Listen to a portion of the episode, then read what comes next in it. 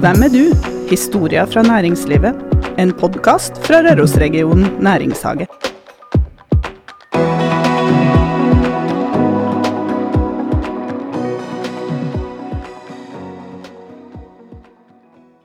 Velkommen, lyttere som har vært med oss en stund, og helt ferske lyttere. Vi er i gang igjen med en podkast. Og Kristin, vi, du slipper ikke unna, vet du. Hvorfor i all verden driver Næringshagen med en podkast? Fordi vi kan. Nei. Eh, Fordi at vi vil at næringslivet skal bli kjent med hverandre. For at de skal bli kjent med oss. Eh, Og fordi at terskelen for å samarbeide kanskje blir lavere når vi vet litt mer om hverandre. Ja. Og da er dagens gjest Frank Norvik. Velkommen. Tusen takk. Uh, har du skapt noe i ditt liv da, Frank? Det får andre bedømme, men eh, jeg har i hvert fall levd et eh, lykkelig og bra liv. Og er fortsatt ganske offensiv og tror jeg skal være med å skape mer. Du og kona di i hovedsak eh, starta Frost på Røros for hvor mange år siden? Det begynner å bli over 16 år siden. Og fred å bevare. Og da flytta dere hit fra Trondheim, ikke sant? Det stemmer. Starta dere med én butikk? Vi starta med en butikk. Da kjøpte vi en butikk som het X i gata på Røros. Eh, Så fikk vi opp et vennepar fra Trondheim som het Sven Inge og Birgitte Sølvik. Og så starta vi Det her var høsten 2005. Og 3. februar så åpna vi Frost, da. Den første Frost. 654 meter over havet. Hvor stor sjanse tar man når man eh, investerer i en butikk for å selge klær på Røros? Eh, jeg har aldri tenkt på at jeg har tatt noen sjanse. Eh, men eh, det er visstnok en av de bransjene for flest, p- flest går konkurs. Men eh, så Sånn sett så er det nok en stor sjanse, men det har jeg på en måte aldri har tenkt så mye på. Mm. Det betyr at du er Er du da en risikotaker? Jeg er nok det. Eh, Men jeg har jo aldri tenkt på det som så stor risiko, for jeg, jeg føler det. at vi kan det. Sånn at det her skal vi få til. Og da har jeg aldri tenkt på at det har vært en veldig stor risiko. Så du tenker på oppsida, du? Ja, det gjør jeg faktisk. Og så ganske mye mer, faktisk. Har dere ikke Oppsida er en ting, for da tenker folk økonomi og penger. Men for meg så er det nok reiser og folkene som er med, og, og hele pakka rundt, ja, som er like viktig. Når du får en idé da, Frank, hvordan, går du fram da? Altså fra idé til realisering? da? Hvordan er den prosessen for deg? Den går ganske fort. Eh, Jeg prosesserer sånne ting relativt fort, tror jeg, oppi, oppi hodet. Og så har jeg jo lært meg med årene at ting må forankres. Det er ikke bare å å gønne på. Men jeg gønner på ganske hardt, altså. Og så er jeg ganske overbevist på innsalget til partnerne mine, og så går det ganske fort allikevel. eh, På hvordan gjøre dem. Men det er klart, når jeg åpner en klesbutikk, da, så, så, så kan jeg gamet. Jeg kjenner leverandørene, jeg kjenner markedet. Jeg, jeg vet hva jeg skal skaffe ting. Jeg vet hvordan ting skal settes opp, sånn at det går faktisk an å gjøre, gjøre det ganske fort. da. Mm. Når dere starta butikken, da, du var noen og 30 år når du kom hit, da. Ja, jeg var vel rundt 30. Men det, det, det du og dere kunne, da, det hadde dere lært et sted. Så når kom du inn i klesbransjen? Jeg er jo fra Frosta, i, i gamle Nord-Trøndelag. Og eh, jeg var nok litt annerledes enn veldig mange av de frostingene som jeg vokste opp med. Selv om jeg vokste opp eh, både med småbruk og gård, jeg også som eh, mange andre på, på Frosta, så var jeg veldig opptatt av mote og klær, for jeg var veldig ung. Så allerede i åttende klassen så endte jeg opp på Retro i, i Trondheim i arbeidsuka. For at vi hadde noen kontakter som gjorde at jeg fikk komme inn der. Jeg var faktisk med og solgte dress til eh, Hans Rotmo. Den tredje dag i arbeidsuka. Det glemmer jeg aldri. Og så Åssen dress kjøpte den? eh, det- var en Matnik, faktisk. Okay. Ja, Den gangen var Matnik veldig stort. Ja. Og det er det fortsatt. Det er fortsatt største merket på Frost. Eh, litt eh, morsomt, da var jo alle som konfirmerte seg, hadde jo på seg sånne pastellfarga dresser. Og så kjøpte jeg meg mørkeblå, husker jeg, med kinakrage fra Retro i åttende klassen. Og følte meg egentlig litt rar, men når jeg kikker på det i etterkant, så var jeg i hvert fall, syns jeg, den som hadde den fineste konfirmasjonsdressen. For det var ganske snedig mot en periode. Så endte jeg opp eh, etter militæret. Så skulle jeg studere, og jeg har studert eh, historie, grunnfag, skulle bli lærer. Og så kjente jeg etter et år med studiet at her må jeg ta og finne på noe annet, og søkte jobb på Retro. Det var 480 søkere. Vi måtte stå i kø for å bli sila ut. Og så kom jeg gjennom nåløyet, og så var vi igjen tre til slutt etter fire, eh, fire intervjurunder, og så fikk jeg heltidsjobb på Retro. Jeg tror det var den lykkeligste dagen i mitt liv. Jeg tror fortsatt en av de lykkeligste dagene i mitt liv. Og da hadde du en timelønn på 64 kroner. Og det er da ganske lenge. Ja. Det var i 1994. Så motoren din er faktisk ikke penger, da? Nei, det har aldri vært Altså, Jeg er veldig opptatt av at man skal prestere i god bunnlinje. og at vi har også, Det er konkurransen i det også, for at man kan investere i bedriften framover. Men aldri blitt motivert av penger sjøl. Personlig. Nei. Men du, du kom jo inn på eiersida i Retro, gjorde du ikke det? Jo da. Eh, vi som drev Retro, jeg kom inn og ble mellomleder ganske fort. Eh, og i 1998 så fikk vi kjøpt det første. første 98 så kjøpte vi Retro, som den gangen var en anerkjent motebutikk i Norge. Og vi hadde et mål, vi som kjøpte, vi var fire stykker som eide 25% hver. Eh, Vi hadde foreldre som kausjonerte, så jeg husker vi klarte å stille to millioner egenkapital for å kjøpe den. Det var mye penger i 1998, altså. Mellomjula i 97 var det her. Og så endte vi opp med å kjøpe Retro, og så ble det ei fantastisk reise. Vi ble gjeldfri på to år, og da brukte vi overskuddet til å åpne en ny butikk i Trondheim i 2001. Så ble vi gjeldfri på den på underkant av to år, og da åpna vi tre butikker i Bergen, Kristiansand og Oslo, ganske store enheter, med en kjedekonsept som het Companies fra Danmark. Eh, Det var litt av en reise. Og det er egentlig litt av grunnen til at jeg kom til Røros, for da kjørte vi hardt. Jeg tror jeg hadde 180 reisedøgn eh, den perioden og ble pappa. Og jeg husker to helger ble jeg sittende fast i, i Kristiansand med uvær og ikke kom hjem til helga. Da kjente jeg på, at, eh, på et eller annet den høsten da jeg skulle ut i pappapermisjon, at du verden, det vært artig å finne på noe annet. Og så var mamma på Røros og hadde Ertseidegården. og trengte også hjelp til utvikling. Annet med hjemmeside og, og få en mailadresse og litt sånne ting. Og Dama hadde ikke mailadresse og drev hotell. Ja, men, men hun drev, hun drev fantastisk hotell. Ja, sant? jeg veit det, men det er jo morsomt, da. Ja. Men, men det var jo da ting begynte å skje, da. Jeg vet det, det er en stund siden. Ja, det er en stund siden. Og, og kona mi Anna vet du, hun er jo, hun er jo halvt rørosing. Mora er jo, er jo fra Bukkvollan og har masse søskenbarn og tanter og onkler. Eh, Men hun trengte faktisk en eh, ordentlig overtalelse for å bli med et år.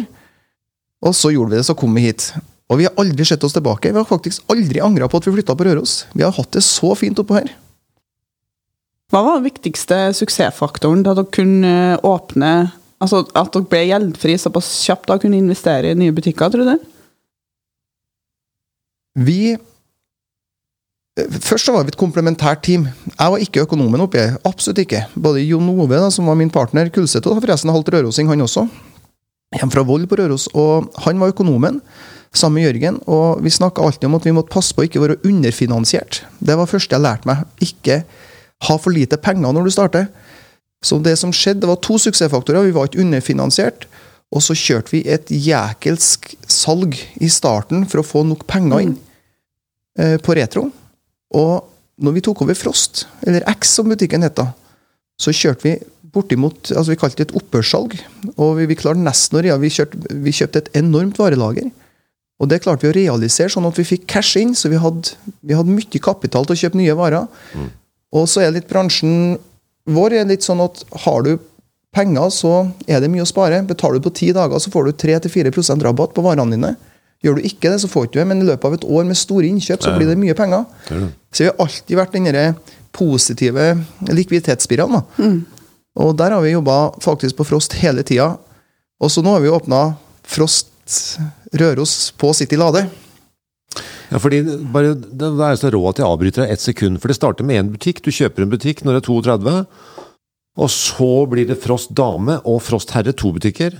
Og så får, har du, går du og maler på en idé i huet ditt. Og og så, ja, vi- vi- Frost Proff. Altså du selger arbeidsklær. Ja. Og samtidig så får du da muligheten til å åpne butikk på City Lade. Ikke sant? Helt riktig. Og alt dette gjør bare, Da bare kliner det til, da. Hvor svett blir du da? Og så åpna vi en nettbutikk i tillegg òg. Ja, det det. Det var også en butikk, faktisk. Og det var nesten gratis, ikke sant? Ikke helt. Nei. Jeg, jeg, jeg kjenner bare Å, herre Jesus, tenker jeg. Jeg kunne jo blitt med på podkasten Feilskjær om, om den nettsatsinga. ok. ok. Ja, ja, men nok om det. Men eh, det er mye investeringer, og det er mye tid. Ja. Hvor mange har du med deg på det laget da? For å få det realisert på så kort tid? Nei, vi, vi har ikke vært så veldig mange på det, altså. Det har vært uh, Anna og Rikke, da, som er eierne av Frott, sammen med meg. Rikke er jo niesa mi, og Anna er kona. Ja.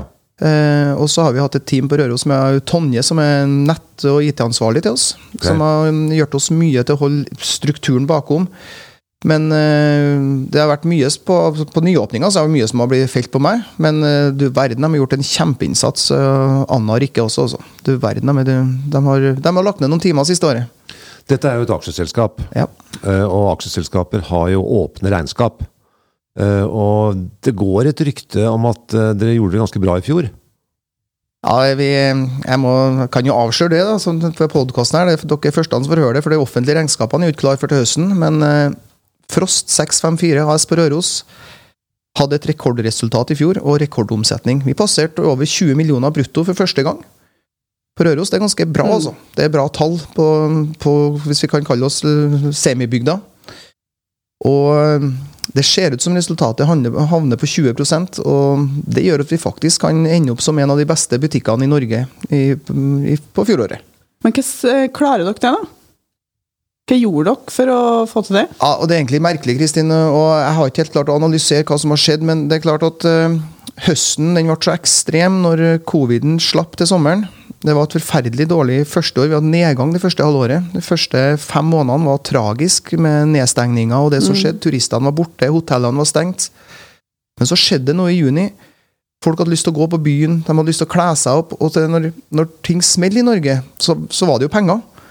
Og folk hadde lyst på farger og pynte seg, og de hadde mulig hadde de små vinduene de kunne ut og, og røre seg.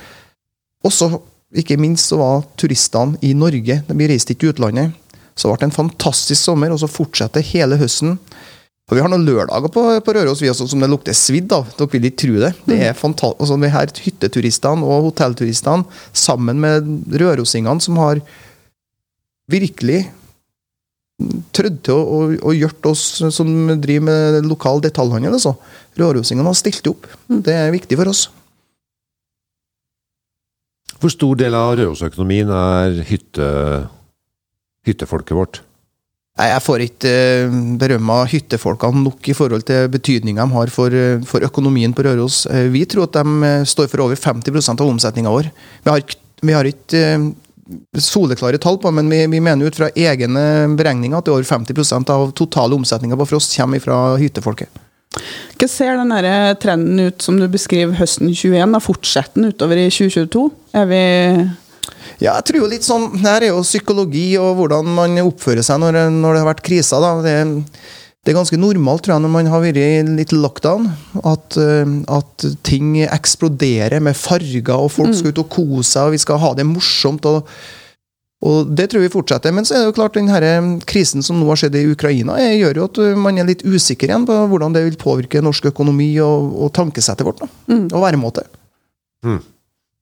Det har jeg ikke tenkt på når du sier det, men det er riktig, det. Etter den store krisa første verdenskrig og storinfluentaen i 1918, så var det jo Charleston og 20-tallet. Ja, ja, ja. The Roaring Twenties. Riktig, riktig. Nå smalt det litt før. Ja. Da brukte det ti år på å smelle. Huff. Hva tapper deg for energi? Er det Ja, jeg, jeg, jeg syns det er veldig slitsomt å være sammen med folk som eh, ikke gir energi tilbake. Folk som eh, er negativt innstilt, som ikke klarer på en måte å se mer positivt enn negativt. Det tapper meg for energi. Og det på en måte begynner jeg, jeg, Nå har jeg begynt å velge folk som, å være sammen med folk som gir meg energi, istedenfor folk som tar energi. i hvert fall. Der har jeg blitt mye mer bevisst med årene. Hvordan lader du da? Ja, jeg lader jo sammen med folk. Jeg lader når jeg får øh, Jeg, jeg lader best faktisk hvis jeg får invitere til et langbord med 20 gjester og ordne femretters middag hjemme og få stå og koke hele dagen og ordne sjøl. Og presende maten og vin. Da, da, da er jeg i storslag. Hva har ladinga di de vært det par siste åra da, Frank? Men på Røros så har det på en måte Jeg føler at vi har forhold til i hvert fall dem, mine venner i byen, så har vi jo levd ganske normalt. Ja, vi har hatt en sånn kjerne med folk vi har vært sammen med. og Det har vært små, korte perioder hvor det var litt nedstengt, men ellers har vi jo møttes. Mm. Det har vært lite på, på vertshus og skankebua, men eh, det går an å ha det hyggelig hjemme òg. Mm. Hmm. Ble du betenkt, Garl Erik? Jeg ble det. Jeg sitter og leser. Det vet jo ikke lytterne, men jeg kan fortelle lytterne. Jeg sitter nå og leser det Frank Norvik har skrevet. Og han svarer på Vi, øh, vi spør han et spørsmål i grønt, og der står det 'oppdagelser viktige vendepunkt', altså i liv og arbeidsliv. Han svarer i blått. De har jeg hatt mange av, både positivt og negativt. Jeg har ofte opplevd at jo mer jeg har lært og forstått, jo mindre har jeg forstått at jeg kan. Ellers ingen tydelig åpenbaring fra himmelen. Hva er ditt forhold til Gud, Frank Norvik? Eh, det, det er nok ikke en sterkt forhold til Gud, det, men, jeg, men jeg liker å Hender det du ber om hjelp? Nei, Nei. det gjør faktisk ikke det, altså. Nei, Ikke til høyere makter, nei. Nei, Nei. det er faktisk ikke. Nei riktig. Jeg tror nok det at da ringer jeg en god venn, Ja, det er bra. og så spør jeg om råd. Veldig bra. Kan du, kan du gi oss et lite eksempel på Frosta-dialekten? Det er noe med traktor og tilhenger. Har du en liten, en liten smakebit? Ja, kan du ha igjen der, da, for eksempel? da? Kan du sende meg smæret? Den er fin, vet du. Og så har dere mye potet. Potet og peng, kjerring og seng. Det er alt en frosting trenger. Ja, men da, da er vi på stell. Jeg tenker jo, altså Du Den ligger jo ganske langt oppi i dagen, den her motoren din, Frank, men eh, det er kanskje greit å spørre likevel. Hva er, hva er det som driver deg? Jeg er sannelig ikke sikker, jeg, men eh, jeg er ganske heldig. Jeg tror jeg er født ganske positiv. Jeg er født ganske glad. Når jeg står opp om morgenen, så er jeg ganske glad. Og så trenger jeg lite søvn, sånn at jeg har ganske mange timer i døgnet til å virke på. Eh, Men jeg kjenner at jeg er nok en mye Jeg blir mye lykkeligere når jeg er med å skape ting, enn når jeg skal drifte ting. Jeg selv om jeg med årene har blitt mye roligere på det òg. At jeg kjenner jeg, nå, nå driver jeg mer erfaringsbasert og kunnskap, kunnskapsbasert, både som leder og på oppgavene, måten jeg angriper oppgaver på. Men, eh, men eh, jeg er lykkeligst når det skjer noe. Og det kan være så, så lite som at vi nå skal ha, ha det utsatte julebordet på, på, for alle på Frost. Mm. Så synes jeg det, da gleder jeg meg til å arrangere det, og så, for da skjer det noen ting, og da er det litt fart igjen. Noe nytt? Noe litt artig? Ja, litt, nytt og stimuli. Så jeg, jeg trenger nok eh, at sånn, Jeg kan ikke være på Røros bare og sitte på et kontor. Og derfor det her som har skjedd i Trondheim nå, det, det tror jeg gjør meg mye bedre. For da må jeg konsentrere meg nå i Trondheim. Jeg må til byen en gang, i, en gang eller tre i måneden.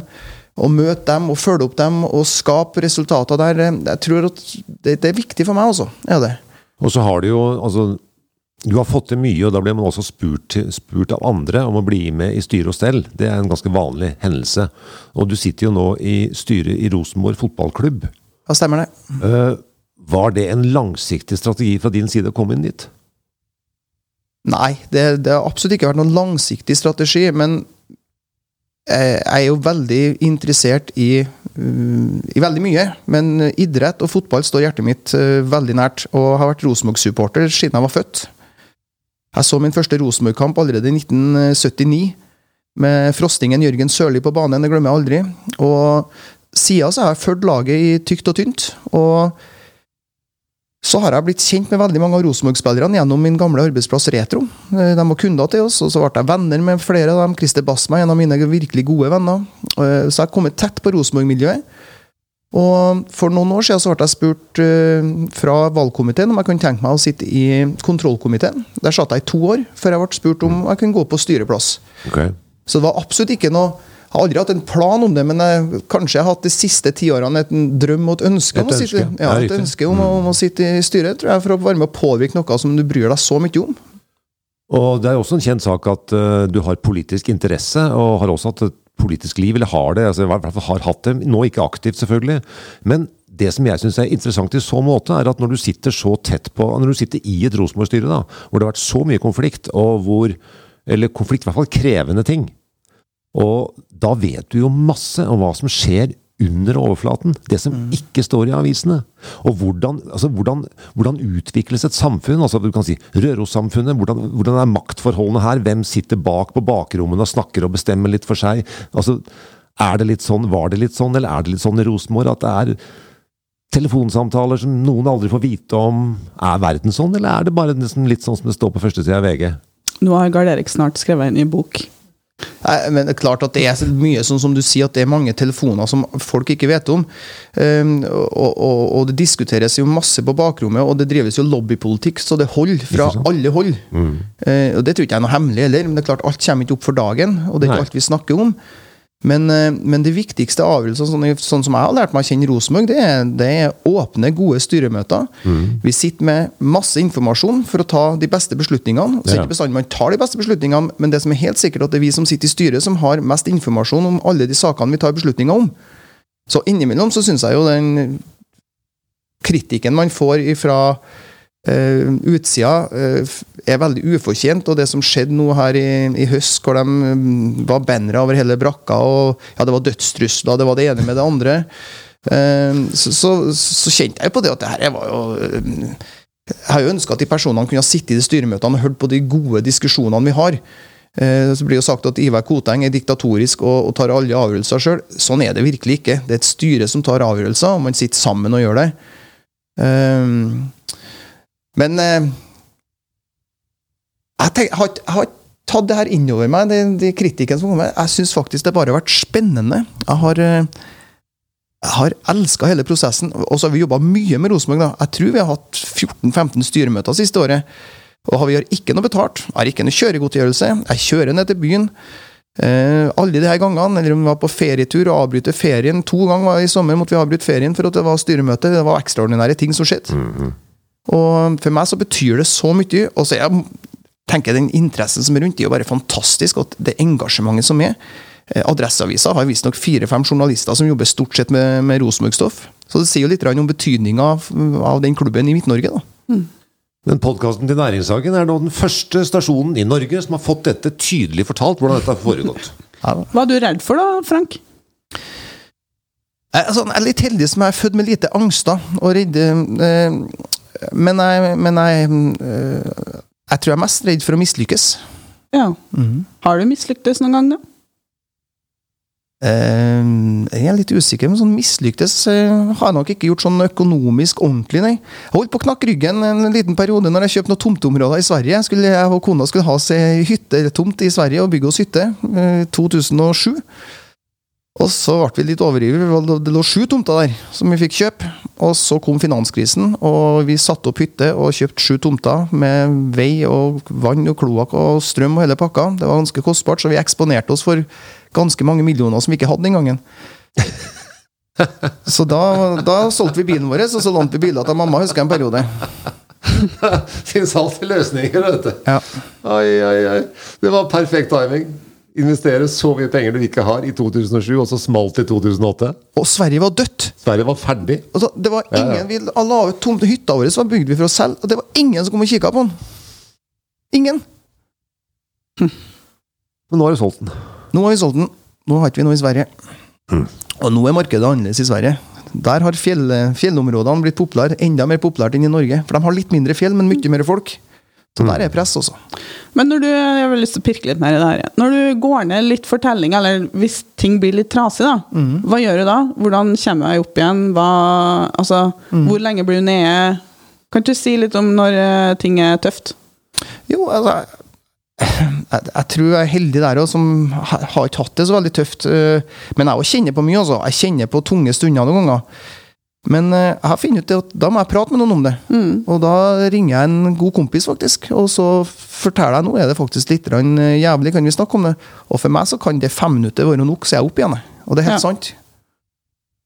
Er det. Bra.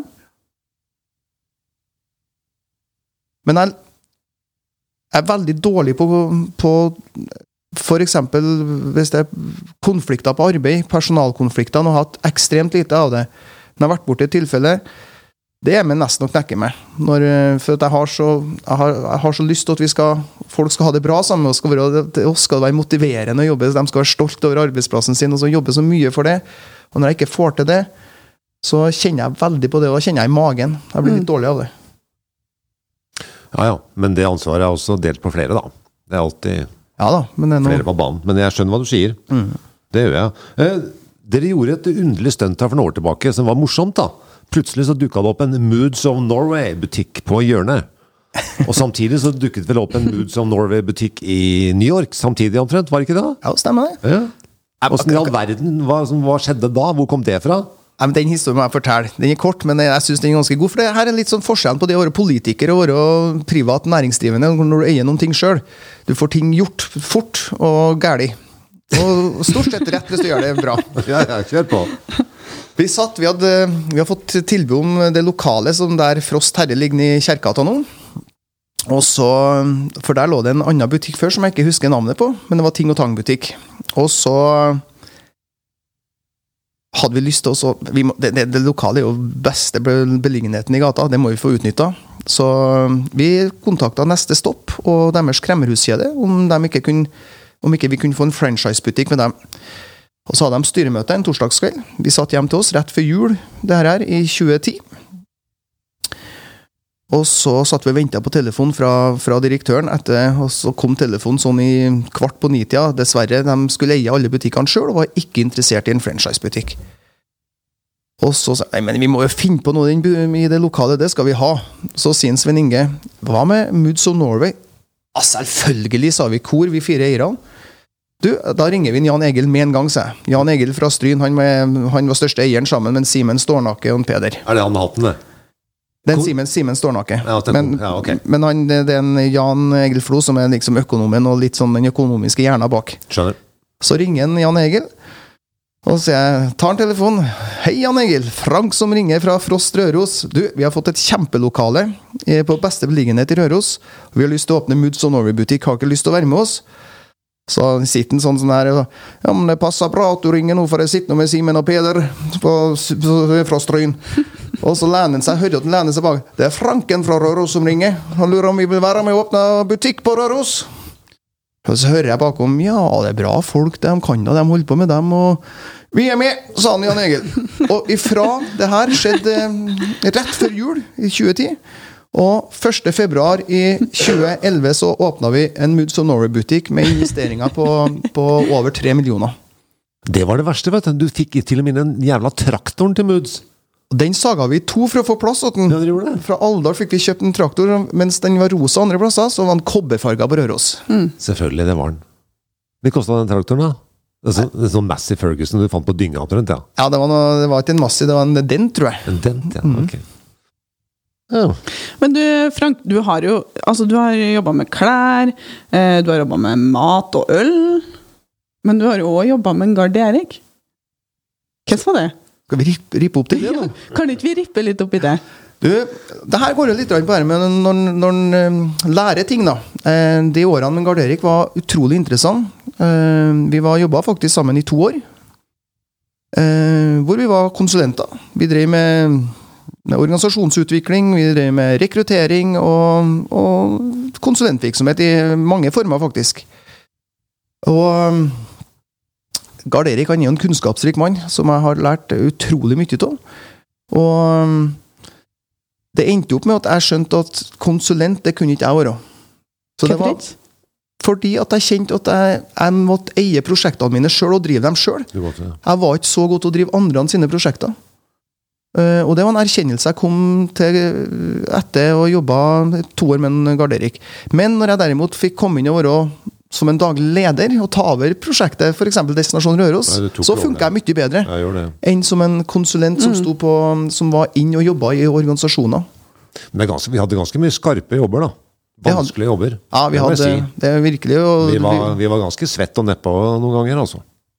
Men det, altså, det er jo eierskap, da. Det er jo drive og passion og Og så tror jeg kanskje det går på Kristin at det her med å eier sjøl at jeg noen ganger så må jeg få lov til å gå i tempoet mitt, og det må gå ganske fort. Og til andre firmaer så kunne ikke vi gjøre det. Da måtte det forankres på en helt annen måte. En idé måtte selges inn. og Man vet jo at endringsprosesser er jo det som kanskje er vanskeligst i alle typer firmaer. Og da når du skal stå utafra og påføre andre, eller hjelpe andre med firma med endring, så der er en garderik genial. Mens jeg sleit litt mer på det.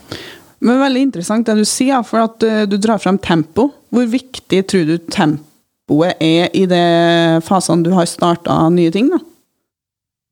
Eh, For meg er det viktig, men jeg tror at for en del av prosjektene mine så kunne, kunne nok ha gått litt saktere. Ja. Sånn at jeg har kvalitetssikra en del av de hølene som blir. For det, det blir det, altså. Men største kraften din utvilsomt er tempoet ditt. Ja, det er det. Og så er du faktisk i stand, slik jeg har sett deg nå, kjent deg noen ganger, at eh, du er i stand til å tenke enkelt. Og det er kjempevanskelig. Eh, Tenke enkelt og riktig. Og så er det sånn type Ja, altså det er sånn type I går var litt for tidlig, i morgen er for seint. Vi gjør det nå. Ja. Timing is all, er det noe som heter. Men så samtidig så har jeg lært eh, mye eh, En av mine gode læremestere er Jørgen Sagmo på Retro. Og han er en 100-prosenter som så, så vi, vi var på en måte en motsetninger. Og, og, og vi, jeg tror ikke vi var like dyktige med hverandre hele tida, men vi lærte så mye av hverandre. Og det var faktisk disk, sånn atferdsanalyse. Vi, kjørte, vi brukte et år på å lære hverandre å, å skjønne, og lære hverandre å jobbe med hverandre. Og det, så han har jeg lært mye av. så at jeg er nok annerledes nå enn det jeg var for, for, for 20 år siden som, som leder. også. Jeg har, eh, men samtidig så tror ikke jeg var så mye dårligere for 20 år siden. Jeg var, for da, da var jeg i meg sjøl. Tar poenget ditt. Ja. Mm. Men eh, da må du jo fortelle oss eh, en gang for alle, Frank, hvilken idiot er du? Diskidioten.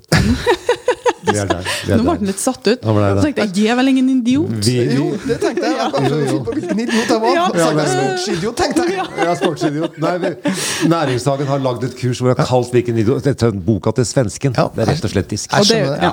Nei, jeg er nok en soleklar i det. Og jeg jeg dunker ganske høyt opp på, på i, og det har jo med menneskeorienteringa mi, som, som er så sterk. Men så er nok D-en min blitt eh, den at jeg, det går på tempoet, og at jeg liker hele tida å, å tørs å ta avgjørelser. Du blir tryggere på den. Ja. Har du Blir blitt? Mye, mye tryggere på D-en. Hva har det blitt? Og så har jeg særdeles lav C, altså den kvalitetssikringa.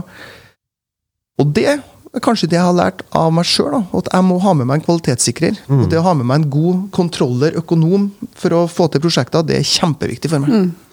Men det er ganske morsomt. Jeg må si en ting. Det er ikke på siden, det er, det er spot on. Jeg var på, når jeg begynte å jobbe i Næringshagen for to år siden, så var jeg på en samling med næringshager fra hele Trøndelag og litt fra Nord-Norge og det ene med det andre. Det var 25 stykker der. Og så satt vi der, og jeg skjønte ikke hva som foregikk. Det var vanskelig å sette seg inn i tankegangen, så jeg følte meg, følte meg litt dum. Men så tenkte jeg nå skal jeg stille ett spørsmål. Og så jeg, Nå stiller jeg alle her 25 ett spørsmål. Dere er erfarne folk i næringshager som skal utvikle næringer i små kommuner i hele Norge. Fint. Hva, og nå skal dere svare helt ærlig, og dere skal svare uten å tenke. Det første som dere får i hodet, si det. Eller skriv det ned. Jeg ba dem skrive det ned. Og så sa jeg, hva er den viktigste faktoren for å skape utvikling i en kommune, og skape næring og vekst? Så skrev de det ned. 24 av 25 skrev person. Ja. Menneske. Den ene mennesket. Fem enkeltmennesker skaper mer enn 300 andre. Og det er ikke til forkleinelse for noen, men det må være plass til alle. Og det må være plass til gründeren. Det er blitt en kjepphest for meg i voksen alder. Da jeg var 40, ante jeg ikke noe om det engang. Tenkte ikke på det, men nå skjønner jeg hvor viktig det er. Men- men- Og det er et godt poeng, Erik, for jeg har jo ønska at en større forståelse i det offentlige og Da snakker jeg om dem som jobber i det offentlige, eller politikere. Som, en større forståelse for hva det private næringsliv betyr faktisk for, for totaløkonomien for AS Norge, eller for Røros kommune. For der skapes det verdier. Der skapes det skattepenger som kan brukes til, til infrastruktur i, i landet. Og jeg syns det skulle vært eh, bejubla mye mer, da. Da hadde vi en liten snev av politikk, og vi hadde et lite snev av alvor. Vi har ledd tre eller fire ganger. Og hva skal siste ord være i dag, da, Kristin? Det blir Eh, Jeg tenker at eh, hvis du skal gi noen råd, gode råd da, til nye gründere, folk som er i den fasen, eh, har du noen? Ja, det har jeg. Det viktigste rådet for meg er også Finn noen med komplementære ferdigheter til å bli med deg. Ikke gjør Jeg har ikke Noen er sterke alene. De har så stor drivkraft at de kan gjøre ting alene. Jeg har ganske stor drivkraft, men jeg er ikke god nok alene, for jeg ser mine begrensninger. Så jeg jobber alltid best sammen med andre flinke folk som helst er flinkere enn jeg sjøl på andre områder. Det er mitt gode råd. Og om det ikke er medeiere, så i hvert fall ta med deg gode rådgivere på kontrollersida som går på økonomi. Ofte er jo gründerne litt sånn vi, vi setter så stor fart og tempo at vi, at vi innimellom glemmer økonomien. Ha med noen som kvalitetssikrer en del ting. Det er mitt råd. Og så årets motfarge. Du, er, det er faktisk også på, Nå snakker jeg dame på, på guttesida. Vi er så kjedelige. Guttene de kler seg stort sett i mørkeblått og svart hele tida uansett. Vi, jo vi har jo sittet og snakka om at vi vil kle oss i farger sånn tidligere i podkasten. Vi er- sitter jo her og er drittkjipe alle tre. Nei, ja, du er jo litt, Litt på oransje i skjorta til Karl Erik, og på- Vest så jo ut som en skudd på catwalken i dag. Men eh, på damesida grønt, oransje og rosa knallfarger. Huff. Da må jeg faktisk si uh, denne samtalen var uh, veldig ålreit. Uh, vi som er rundt bordet kjenner hverandre. Men allikevel, det var en type alvor og en type grunntone som jeg likte veldig godt. Dette lærte jeg veldig mye. Det var jævlig ålreit. Tusen takk. Takk, Frank. Du, takk for at jeg fikk komme, og håper det ble bra.